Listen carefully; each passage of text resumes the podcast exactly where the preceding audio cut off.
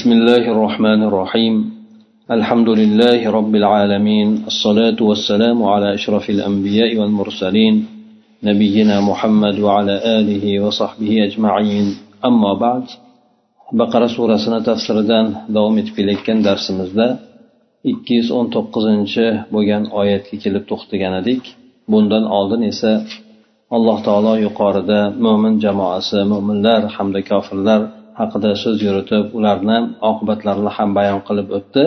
Ana o'shalardan keyin alloh taolo yana o'sha avvaldagi bo'lgan yasalunaka deb payg'ambar sallallohu alayhi vasallamdan kelib so'rayotgan sahobalar ba'zi o'zlariga aytib o'tgandik ya'ni yangi bir jamoat bo'lganligi uchun ularda qiziqsinishlik sabablik so'rashligi yoki bo'lmasa ba'zan e, yahudlar yoki bo'lmasa munofiqlar qo'zg'aydigan fitnalardan to'g'ri xulosa olishlik uchun payg'ambar sallallohu alayhi vasallamni oldiga kelib so'rashardi ana o'sha so'ragan narsalardan birisi alloh taolo keltirib aytadiki قل فيهما إثم كبير ومنافع للناس وإثمهما أكبر من نفعهما ويسألونك ماذا ينفقون قل العفو كذلك يبين الله لكم الآيات لعلكم تتفكرون الله تعالى aytadiki sizdan mast qiluvchi ichimlik bilan qimor haqida so'rashadi. Aytingki ikkalasida ham katta bir gunoh bor. Lekin shu bilan birgalikda odamlar uchun manfaatlar ham bor dedi. Lekin ularni gunohlari foyda keltiradigan foydalaridan ko'ra kattaroqdir.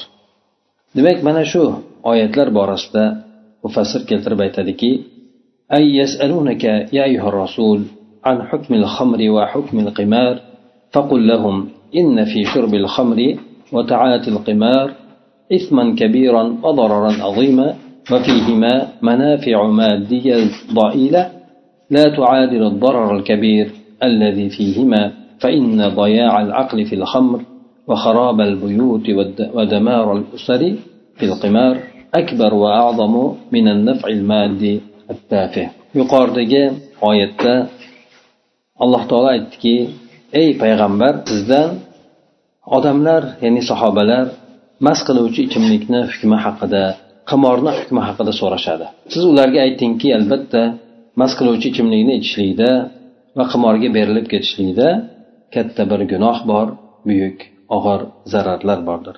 Shu bilan birgalikda ikkalasida arzimagan bo'lgan moddiy manfaatlar ham borki bu ikkalasida topiladigan manfaatlar katta bo'lgan zararga barobar bo'lmaydi.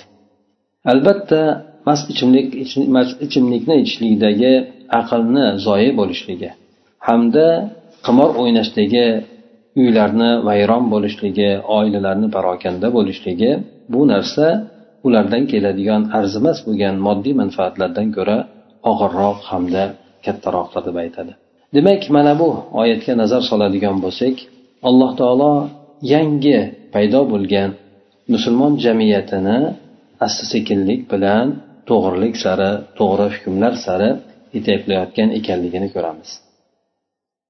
Hukmlar kelishligi ikki xil masalada bo'ladi. Birisi e'tiqodiy bo'lgan aqidaga iymonga aloqador bo'lgan masala haqida so'rashlik hamda hukmlar insonlarni muomalasi yoki ibodatlariga tegishli bo'lgan hukmlar haqida so'rashlik.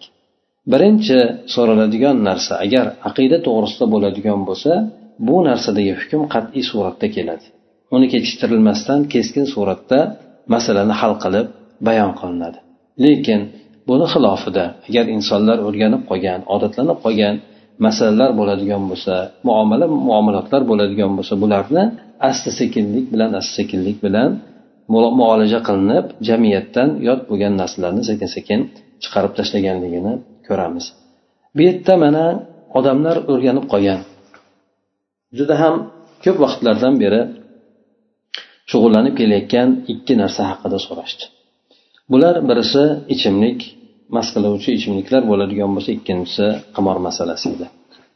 Shu haqida yangi din kelgandan keyin ya'ni bu ham o'zi aslida sog'lom bo'lgan fitratlarga to'g'ri kelmaydigan agar aqlini yurgizadigan bo'lsa bu narsadagi zulm bo'lgan narsa yoki bo'lmasa aqlni zoyi bo'lib ketishligi ravshan zohir ko'rinib turadigan narsa edi.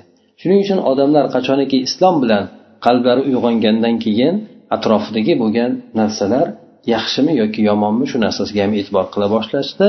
Ana o'sha narsadan birisi mast qiluvchi ichimlik ediki odam masalan uni ichib yotib qoladigan bo'lsa go'yoki bir hayvondan farq qolmaydigan holatda bo'lardi. Shuning uchun bu yerda sahobalar tomonidan buni hukmi haqida so'rardi. Bu qanday bo'ladi? Doimiy suratda endi halol bo'lib ketaveradimi yoki bo'lmasa bundan chetlanishlik afzalroqmi degan mazmunda so'raldiki bunda alloh taolo mo'minlarni ya'ni jamiyatda bu urf bo'lib ketgan odamlar bunga juda ham sho'ng'ib ketganligidan sekin sekin asta aytib o'tganimizdek to'g'ri yo'lini ko'rsatib ularni yetaklay boshladi. Shulardan demak birinchi kelib nozil bo'lgan hukm as qiluvchi ichimlik borasida bu foydasi juda ham zaif ekanligi lekin zarari esa buni muqobilda juda ham katta gunohi ulkan ekanligi to'g'risida oyatni keltirishlik bilan kifoyalanildi. Demak mana shuni o'zidan insonni aqliga bir ishora qildiki foyda zararni inson o'zi o'ylab ko'rsin. Shuning uchun olimlar aytishadiki alloh taolo nimadan qaytargan bo'lsa u narsani zarari yo'q to'liq suratda zarari bor yoki bo'lmasa zarari aksarini g'olibiyatini tashkil qiladi deydi. Nima narsaga buyurgan bo'lsa uni manfaati yuz foizlik yoki bo'lmasa manfaati g'olibiyat aksariyatini tashkil qiladi deydi. Yuz foizlik bo'lgani masalan tavhid.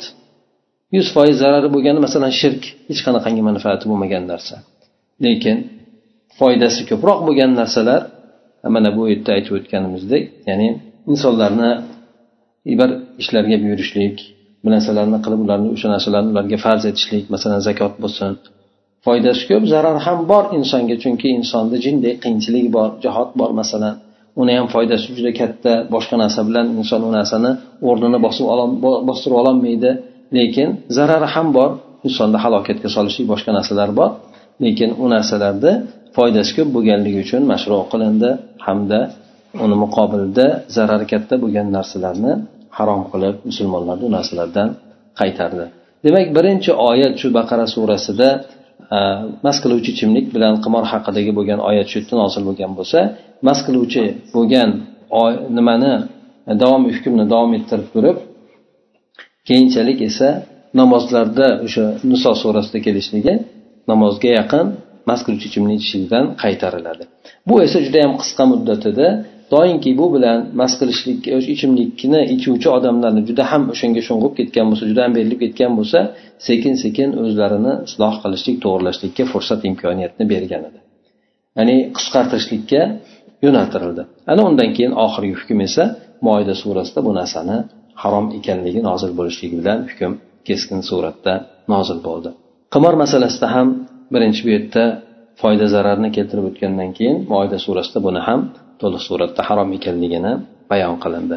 Mana shunday qilib alloh taolo bu jamoatni juda ham yoshligidan xuddi go'yoki inson bir kichkina bolani tarbiya qilgandek o'stirib ulg'aytirdiki ular ana o'shandek payg'ambar sallallohu alayhi vasallamni huzurlarida oxirgi marta o'sha moyda surasida harom ekanligi to'g'risida bu narsalarni oyatlar nozil bo'lgan paytda hatto og'izda turganlar og'zidan chiqarib tashlashligi qo'lda turganlar esa qo'ldagi bo'lgan narsani sindirib to'kib yuborishligi shu narsalargacha yetib borish ya'ni aniq bir yaqin bir suratda o'sha buyruqlarga itoat qilishlik bularda yetilib chiqqan edi demak bu yerdagi oyatdan bilamiz ekanki olimlar ham qoida qilishgan ya'ni shariatda harom qilingan narsalar aslan insonga zarari aksar bo'lgan yoki bo'lmasa e, zarari to'liq bo'lgan narsalar ekan garchi u narsalarda ya'ni har bir narsa borki o'ziga yarasha bir inson foydasini ko'rishga harakat qiladi. Lekin bu foydasi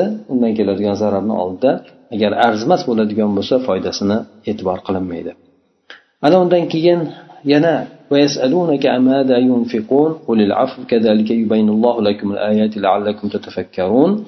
sizdan yana nima infoq qilishligi haqida so'raydilar. Yuqorida ham oyatda o'tdiki deb. Ya'ni sizdan nima narsani infoq qilishlik haqida so'raydilar dedi. O'shanda aytib o'tdik demak sahobalarni qiziqadigan narsalari ya'ni o'z qo'llariga biroz pul tushgandan keyin yoki bo'lmasa e, mas'uliyatlari haqida so'rab qanday kimlarga infoq qilishlik to'g'risida qanday turda infoq qilishlik to'g'risida yuqoridagi bo'lgan savollar bo'lganda unga alloh taolo o'sha nima infoq qilinadigan narsaniyu kimlarga infoq qilinishligini bayon qilib o'tgan edi. Bu yerdagi oyatda esa infoq qilishlikni hajmi miqdori haqida qanchadan infoq qilishligi to'g'risidagi nimani javobni keltirib o'tilyapti. Qo'lil afu dedi. Ya'ni afu ya'ni insonni hojatidan ortiqcha bo'lgan narsasi. Hojatidan ortiqcha bo'lgan narsasidan infoq qilishligiga bo'lgan buyruq keldi bu yerda. Ana o'shanday qilib alloh taolo sizlarga oyatlarni bayon qilib o'tadi. Shoyatki bu narsalarda fikr yuritib ko'rsalaringiz dedi. Demak alloh taolo mana shunday qilib insonlarga o'z hukmlarini bayon qilib o'tar ekanki insonni aqliga ishora qilyapti. Bu qanday ham juda bir go'zal bo'lgan hukmlariki agar inson bu narsalar to'g'risida fikr yuritib ko'radigan bo'lsa bu hukmlarni juda ham go'zalligini topadi. Mufassir keltirib o'tadiki ay ya muhammad min amwalihim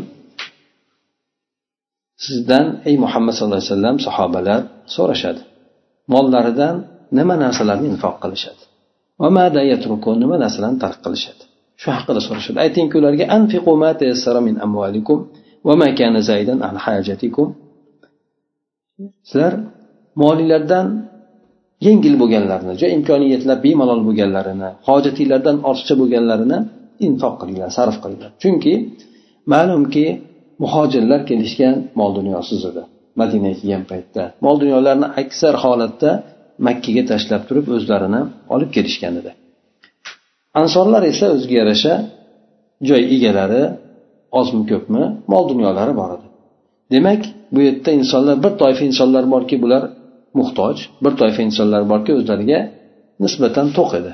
Shuning uchun bir toifa ikkinchi toifaga yordam berishlik edi lekin shariatda insonni qiyin holatga soladigan hukmlarni bermadiki bu yerda ya'ni inson hojatidan tashqari bo'lganini imkoniyatida bor bo'lganini sarf qilishlikka buyurildi. Insonga demak hojatidan tashqari bo'lmagan o'zini muhtojligi bo'lib turgan narsani unga infoq qilishlikka shariat tomonidan buyruq bo'lmadi. Shunday qilib alloh taolo sizlarga hukmlarni bayon qilib o'tadi. Sizlarga shu shuningdek qilib qaysi narsa foydali bo'lgan narsa qaysi bir zararli bo'lgani nima halolu nima harom mana shu narsalarni sizlarga ochiq oshkor suratda alloh taolo bayon qilib beradi. Doimki bu narsalarni aytishligida sizlar hayot ishlaringizda fikr yuritinglar. Xuddi shuningdek sizlar undan keyingi oyatda ham keltirib o'tadi ويسألونك عن الأتم قل إصلاح لهم خير أي لتتفكروا في أمور الدارين فتأخذوا بالأنفع والأصلح أو لتتفكروا في الدنيا وزوالها والآخرة وبقائها. ويسألونك عن مخالطة اليتامى ومشاركتهم في أموالهم قل لهم مشاركتكم لهم على وجه الإصلاح لأموالهم خير من اعتزالهم. لماك الله تعالى bu إنفق infoq masalasini keltirgandan keyin albatta inson infoq qilishligi uchun kechib berishligi uchun oxiratga ishonganroq bo'lish kerak. Dunyoni o'zini o'ylagan odam ko'pincha baxillik qiladi. Ja oldi bo'lgan narsani chiqarib berishligi qiyin bo'ladi. Ana o'shandan ham dunyo oxirat haqida bir fikr ko'rishlaringiz uchun deb alloh taolo aytib o'tyapti. Mufassir ham keltirib o'tyaptiki bu yerda demak ikkita diyor ya'ni oxir bilan dunyo ishlari haqida fikr yuritishlaringiz uchun deydi. Ana o'shanda sizlar qaysi biri foydaliroq bo'lsa qaysi biri manfaati ko'proq bo'ladigan bo'lsa o'sha narsani olasizlar. Demak inson bu dunyoda berishligi bilan mana hadislarda oyatlarda keladi oxirati uchun zaxira qilib oladi. Ha o'sha narsa insonga foydaliroq ham bo'ladi. Shuning uchun payg'ambar sallallohu alayhi vasallamdan u kishi aytganlar aytgan paytlarida ya'ni bir qo'yni infoq qilingan paytida bir bo'lagi qoladi. Hm? O'shani so'ragan paytida hammasini berib bizga bir bo'lagi qolibdi deganda yo'q. Biz uchun hammasi qolibdi o'sha bir bo'lagi bizni hisobimizdan tashqari bo'lib qolibdi degan nimada mazmunda aytadi. Ya'ni o'sha infoq qilingan hammasi bizni manfaatimiz uchun bo'libdi qolgan narsa endi o'zimizni yeyishimiz uchun qolibdi degan mazmunda aytganlar hamda sizlar o'sha narsani infoq qilishlikda yuqoridagi bo'lgan oyatlarga masalan aroq haqida bo'lsin e, e, mast qiluvchi ichimlik haqida bo'lsin yoki qimor haqida bo'lsin ana o'sha narsalarni zarardan kechishlik yoki o'sha narsalarni o'zidan ketishlikda albatta inson dunyo oxiratni o'ylaydigan bo'lsa bunda insonga osonroq bo'ladi. Xuddi shuningdek demak dunyo bor ekanki u zavol topadi oxirat bor ekanki u albatta boqiy qoladi. Mana shu narsalar haqida fikr yuritishlaringiz uchun deb aytadi. Ana undan keyin ikkinchi yana bir boshqa masala haqida alloh taolo aytib o'tyapti. Yetim bolalarga aralashishlik haqida sizdan so'rashadi. Va ularni o'z mollarida sherik qilishlik to'g'risida so'rashadi. Shunda aytingki ularga sizlar ularga mollarini isloh qilishlik yo'nalishida yoki o'sha jihatidan agar ularni o'zlaringizga sherik qiladigan bo'lsalaringiz bu narsa ularni o'zlaridan chetlanib o'zlarini tashlab qo'yishlaringizdan ko'ra yaxshiroq deb aytdi. Ho'p bu savol qayerdan kelib chiqdi nima uchun bunday bo'lgan savollarni berishdi? Ma'lumki jamiyatda o'sha paytlarda jihod ishlari bo'lgandan keyin ancha muncha oilalar boquvsiz qolishligi tabiiy bo'lgan narsa. Erkaklar ko'proq vafot etib ketganligi uchun yetimlarni ham ancha muncha qolishligi tabiiy bo'lgan narsa. Shunda jamiyat yetimlarni demak qarovsiz qoldirmadi balki ularni e'tibor qilishlik o'zi yaqinlariga mas'uliyatni ko'proq yuklab qo'ydi. Endi o'zlarini yaqinlari bo'lsin amakisi bo'lsin yoki shunga o'xshagan yaqin kishilari bo'lsin bular yetimlar bilan muomala qilgandan keyin yetimlarni ba'zilarini o'zlarini otasidan qolgan onasidan qolgan Э, mol mulklari bo'ladi. Ana o'sha narsalarni bolalarni o'ziga o'sha yetimlarga sarflashlik mumkin. U ba'zi o'rinlarda shunday bo'ldiki bular o'sha yetimlarni mollarini ham o'zlarini mollariga qo'shib yubordida ba'zan keladigan zarar yetimlarni ham mollarini ko'proq olib ketadigan bo'lib qoldi. Ba'zan beparvolik bo'lib qoldi yetimlarni moliga nisbatan. Ana o'shandek oyatda keldiki undan keyin alloh taolo e, payg'ambar sallallohu alayhi vasallam tomonidan demak alohida qilishdi. Ba'zilar o'shanday oyatlar nozil bo'lgandan keyin yetimlarni haq yetimlarga yetimlarni mollarini zulman yeydigan kimsalar bular u ichlarida o'tni yebdi degan oyatlar nozil bo'lgandan keyin qo'rqishdida yetimlarni ovqatlarini ham alohida qilib qo'yishadigan bo'ldi. Oilada bir yetim bo'ladigan bo'lsa qozoni alohida ovqati alohida bo'ldi. Bu esa yetimlarga yana zararni keltirib chiqardi. Sababi uning uchun ovqat qilsa yegan yeydi yemaganini yemasdan tashlab yuborishadigan bo'ldi. Chunki bular o'zlari bolalarga ham yedirmaydi ularga qilgan narsasini chunki u yetimni mollarini yeb qo'ymasligi uchun. Shuning uchun yetim yegan yeydi yemaganini yana tashlab buzilmasligi yoki buzilib qolgandan keyin e, tashlab yuborishlikka majbur bo'lib qoldi. Ana o'shanday bir qiyinchilik bo'lib turgan paytda hukmni so'rashdi. Ya'ni qanday qilsak bir yaxshiroq bo'lar ekan qanday qilsak bemalol bo'lar ekan deb so'rashganda alloh taolo tomonidan ularga ancha yengillik oyatlari nozil bo'ldi. Bu yerda keldiki oyatlar ularni mollarini o'zlarini mollariga sherik qilishlik. Lekin sherik degan paytida isloh qilishlik ya'ni mollarini isloh qilib tuzatishlik maqsadida sherik bo'ladigan bo'lsa buni zarari yo'q. Sababi yetimlarni mollari agar turadigan bo'lsa bu narsalar yemirilib ketishligi eskirib ketishligi yaroqsiz holatga kelishligi yoki bo'lmasa ko'p jumhurni so'ziga binoan undan zakotini chiqaradigan bo'lsa u zakot ham o'shani yeb qo'yishligi mumkin yetimni molini kamaytirib tashlashligi mumkin. Ana shunday narsa bo'lgandan keyin ularni mollarida muzoraba qilishlik. Ya'ni ularni mollarini ham o'zlarini mollariga qo'shib turib o'sha manfaati bo'ladigan ishlarni qilishlikka o'sha mas'ullarni yoki bo'lmasa yetimni qarovchilariga aytildi. Bunday qilishligi yetimni mollarini alohida tashlab qo'yishdan ko'ra yaxshiroq ekanligi demak ularga uqtirildi. Agar sizlar yetimlarga aralashadigan bo'lsalaringiz ovqatda ham bularni mollarini o'zlarini mollaringizga aralashtiradigan bo'lsalaringiz ham nima bo'lganda ham u sizlarni birodaringlar. Ham birinchidan yaqin odaminglar ikkinchidan diniy bo'lgan birodaringlar. Ularga qilinadigan manfaat albatta ajrsiz qolmaydi. Vallohu ya'lamul mufsida minal muslih. Alloh taolo esa qaysi bir odam nima maqsadda yetimni molini ishlatyapti buni niyatini biladi.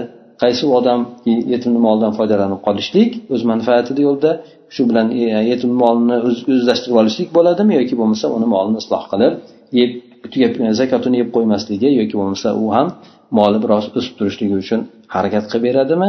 Bunday niyatli bo'lgan odamlarni alloh taolo biladi dedi.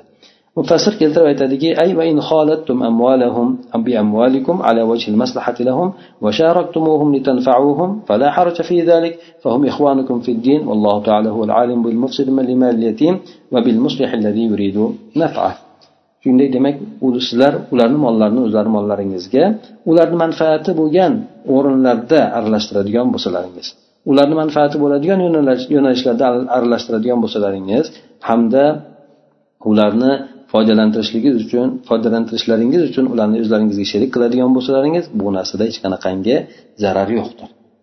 Hech qanaqangi siqintili yo'qdir. Nima bo'lganda ham ular sizlarni dindagi bo'lgan birodarlaringiz yordam bersalaringiz birodarlaringizga yordam berishlar alloh taolo esa yetimni molini yetimni molida buzg'unchilik qiladigan odam bilan uni yetimni foydalantirishni iroda qilayotgan muslih bo'lgan odamni ajratib oladi shu ikkalasini holatini niyatlarini ham alloh taolo biladi deb keltirib o'tadi. Agar alloh taolo xohlaganda sizlarni qiyinchilikka solib qo'ygan bo'lardi. Alloh taolo albatta aziz qudratli bo'lgan zot nima istasa uni qiladigan zot hamda hikmatli bo'lgan zot nima narsada yaxshilik boru nima narsada yomonlik nima narsada foyda zarar borligini alloh taolo biluvchi hamda o'shanga qarab hukmlarni bayon qiluvchi bo'lgan zotdir mufassir keltirib aytadiki وحرم عليكم مشاركة مشاركتهم لكنه يسر عليكم الأمر فلم يكلفكم ما يشق عليكم لأنه تعالى حكيم لا يفعل إلا ما فيه المصلحة agar alloh taolo xohlagan dedi sizlarni mashaqqatga siqintilikka solib qo'ygan bo'lardi. Ya'ni o'shanday bo'yicha davom etib ketishgan bo'lardi. Yetimlarga alohida qilishib yetimni molidan juda ham o'zini mollariga aralashib qolmasin deb turib alohida ularga qarab alohida ovqat qilib berishi boshqa narsalar insonga mashaqqatni keltirib chiqaradi. Agar bitta bo'ladigan bo'lsa bitta odam uchun alohida qozon ochishlik alohida qarashlik insonga mashaqqatni keltirib chiqarardi. Bu narsalarni alloh taolo sizlarga xohlamadi. Xohlaganda shunday holatni qilib bergan bo'lardi. Sizlarga ularni sherik qilishligingizni harom qilgan bo'lardi. Lekin ularni mollariga rioya qilinglar bir tiyinni ham yemaysizlar juda ham ehtiyot bo'linglar deb turib sizlarni juda ham qiyinchilikka solib qo'ygan bo'lar edi lekin alloh taolo ishni sizlarga yengillik qilib berdi. Hamda sizlarga oxirgi bo'ladigan narsani yuklamadi. Chunki alloh taolo hikmatli bo'lgan zot nima narsada manfaat bo'ladigan bo'lsa o'sha narsani qiladi deydi ham sizlar uchun bo'lgan manfaat ular uchun bo'lgan manfaat. Hattoki yetimni molini ishlatib muzoraba qilib tengsheriklikka ishlatishlik mumkin. Tengsheriklikka foydasiga berishligi mumkin. Bunda albatta ishlatayotgan odam manfaatlanadi hamda yetim ham manfaatlanadi. ولا تنكح المشركات حتى يؤمن ولا أمة مؤمنة خير من مشركة ولو أعجبتكم. أي لا تتزوجوا بالمشركات الوثنيات اللاتي لا يؤمن بالله حتى يدخلن في الإسلام ويتركن الوثنية وامرأة مملوكة مؤمنة خير وامرأة مملوكة مؤمنة خير من حرة مشركة كافرة ولو كانت جميلة فاتنة حتى ولو أعجبتكم الكافرة بحسنها وجمالها ana undan keyin alloh taolo boshqa bir mavzuga o'tdi jamiyatdagi bo'lgan ijtimoiy bo'lgan holatlar chunki yuqoridagi bo'lgan masalalar ham ijtimoiy masalalarga aloqador edi yetimlarni mollari bo'lsin yoki bo'lmasa o'sha yerdagi Э, qimor masalalari bo'lsin bular hammasi ijtimoiy bo'lgan hukmlar edi xuddi shunday yana ijtimoiy masalada davom ettirib aytdiki bu inson oila qurishligi. Oila qurishlikni o'ziga yarasha islomda g'oyasi bor. O'ziga yarasha alloh taolo buni bir nazif bo'lgan bir pok bo'lgan suratda bo'lishligini xohladi. Shuning uchun albatta oila quradigan kimsalar ikkalalari maqsadlari bir bo'lishligi. Yoki bo'lmasa ularni e'tiqod qiladigan narsalarda birlashishligi mana shu narsalarni xohladi shundan e'tiqod masalasida ikki xil bo'lib ajrab ketgan tomonlarni alloh taolo nikoh qilishligini xohlamadi. Mushrika bo'lgan kimsalarga ayollarga uylanmanglar dedi. Hatto ular mo'min bo'lgunigacha. Lekin e, mo'mina bo'lgan cho'ri bo'lgan ayol bo'lsa ham bu mushrika bo'lgan ayoldan ko'ra yaxshiroq dedi. Garchi o'sha mushrika bo'lgan ayol sizlarni ajablantirgan taqdirda ham judayam hayolinglarni o'ziga jam qo'ygan taqdirda ham demak shu mo'mina bo'lgan ayol afzalroq dedi. Bu hukm yangitdan jamiyatda yangitdan oila qurishlikni mushrikalar bilan man qildi. Lekin makkada to ular hijrat qilib kelgunigacha erta musulmonlar ham qolgan ediki musulmonlarni ba'zilari erkak bo'lsa ayoli mushrika edi yoki bo'lmasa ayol bo'lsa eri mushrika edi. Bularga bu yerda hukm tegishli qilinmagan holatida yangitdan oila tuzishlikdagi bo'lgan hukmni bayon qildi. Doimki oltinchi yilda mumtahina surasida o'sha e, kofirlar ya'ni musulmon ayollarga kofirlar halol emas degan ya'ni oyat nozil bo'lgandan keyin ana undan keyin bu yerdagi bo'lgan masala qat'iy suratda hal qilindiki o'sha makkada bo'lib turgan ya'ni hukm ommatan bo'ldi. Hukm ommatan bo'ldi. O'sha oldindan oila qurib kelayotganlar uchun ham demak mushrika bo'ladigan bo'lsa ajrashishligi ha oilada ya'ni birisi mushrik bo'ladigan bo'lsa mushrik bo'ladigan bo'lsa ajrashishligi yoki bo'lmasa yangitdan oila quradigan bo'lsa ham oldinroq bo'lgan nozil bo'lgan bu hukm demak bu yerda oila qurilmasligi. Mana shu narsa to'g'risida edi. Mufassir keltirib o'tadiki butparast bo'lgan mushrikalarga uylanmanglar. Bularki allohga umuman iymon keltirmaydi. Hatto musulmon bo'lgunigacha butparastlikni tark etgunigacha va mamluka bo'lgan birovni qo'l ostida bo'lgan ayol mo'mina bo'ladigan bo'lsa bu kofira bo'lgan mushrika bo'lgan hur ayoldan ko'ra yaxshiroq dedi. Garchi o'sha kofir bo'lgan mushrika bo'lgan ayol fitnaga soluvchi ya'ni insonni fitnalovchi darajada chiroyli bo'ladigan bo'lsa ham hattoki o'sha kofira bo'lgan ayol o'zini husni jamoli bilan sizlarni ajablantiradigan bo'lsa ham. Nimaga? Chunki insonni davomiy suratda oila qurib yashashligida ikkalasini o'rtasidagi muammo bo'ladi. Inson uni diniga uni hamma yo'g'iga ko'nib yashashlik kerak bo'ladi. Yo erkak bo'lsin ayol bo'lsin. Shuning uchun mo'mina bo'lishligida garchi uni e, surati unchalik chiroyli bo'lmasa ham boshqa bo'lmasa ham lekin ikkalasini g'oyasi yoki maqsadi bir yo'nalishli bo'lganligi uchun bu narsalarda alloh taolo afzalroq deb aytib o'tdi. Xuddi shuningdek bu narsani hukmni erkaklarga ham yo'naltirildi. ولا تنكحوا المشركات مشركين حتى يؤمنوا ولا عبد مؤمن خير من مشرك ولو أعجبتكم أي ولا تزوجوا بناتكم للمشركين وأهل الكتاب حتى يؤمنوا بالله ورسوله ولا عبد رقيق مملوك وهو مؤمن خير من المشرك ولو أعجبكم بماله وجماله sizlar mushriklarga qizlaringizni bermanglar qizlaringizni singillaringizni mushriklarga turmushga bermanglar hattoki mushriklar mo'min bo'lgunigacha Mo'min bo'lgan qul bo'lgan odam bo'lsa ham mo'min bo'ladigan bo'lsa bu mushrik bo'lgan odamdan ko'ra yaxshiroqdir. Garchi u mushrik sizlarni ajablantiradigan bo'lsa ham. Mufassir keltirib aytadiki sizlar qizlaringizni mushriklarga ahli kitoblarga uylan turmushga bermanglar. Hattoki ular olloh rasuliga iymon keltirmagunigacha. Musulmon bo'lgan odam qul bo'lsa ham birovni qo'l ostidagi mulki ostidagi odam bo'lsa ham bu odam mushrik bo'lgan odamdan ko'ra yaxshiroq. Garchi bu mushrik sizlarni moli bilan jamoli bilan ajablantiradigan bo'lsa ham. Boy badavlat bo'lgan taqdirda ham demak mushrik bo'lgan odamga turmushga chiqishligi mutlaq suratda harom qilindi. Mushrik bo'lganda bu yerda shuning uchun keltirib o'tyaptiki ahli kitoblarni ham dedi bu ikkita oyatni jamlagan holatda chunki ayollarni ahli kitob bo'lsin mushrika bo'lsin ikkalasiga ham berishlikdan qaytariladi. Faqatgina erkaklar uchun mushrikaga uylanishlik qaytarildida faqatgina ahli kitob bo'lgan odamlarga ayollarga uylanishlikka moyda surasida surasida ruxsat beriladi bu ham o'ziga yarasha shartlari bilan ruxsat beriladi ana undan keyin alloh taolo uni hikmatini bayon qilib o'tdi illatini bayon qilib o'tdiki أي هؤلاء الذين حرمت عليكم مساهرتهم مساهرتهم بالزواج منهن أو التزويج يدعونكم إلى الكفر ونار الجحيم والله يدعوكم ما فيه سعادتكم وهي الجنة ومغفرة الذنوب بإذنه أي بتوفيقه وتيسيره ويبين آياته للناس لعلهم يتذكرون أي يوضح حججه وأدلته النيرة للناس لكي يتذكروا فيميزوا بين الخير والشر والخبيث والطيب. الله تعالى تدكي أنا أشك مسلر يعني من سيزلر جاء ترمش كرشليك بلان. يكي بمسا أولار جاء قزدان بيرشليك بلان. قدتشليك كلشين حرام قيان كمسلر يعني ularga uylanmanglar dedi ularga qiz ham bermanglar dedi. Agar shunday bo'ladigan bo'lsa qudachilik qilgan bo'ladida demak qudachilikni bu yerda sizlarga harom qilgan kimsalar sizlarni kufrga chaqiradi dedi. Demak insonni alloh taolo qaytarishligi bu yerda ya'ni mushrikalarga uylanmaslik yoki bo'lmasa mushrik mushriklarga qiz bermaslik. Buni asosiy maqsadi bu yerda din ekan iymon ekan. Chunki bular kufrga chaqirishadi. Agar o'zi oila quriladigan bo'lsa sekin sekin inson bu narsada ketib qoladi. Ana o'sha narsadan alloh taolo ogohlantirib ularga o'sha narsani oila qurishlikni harom qildi.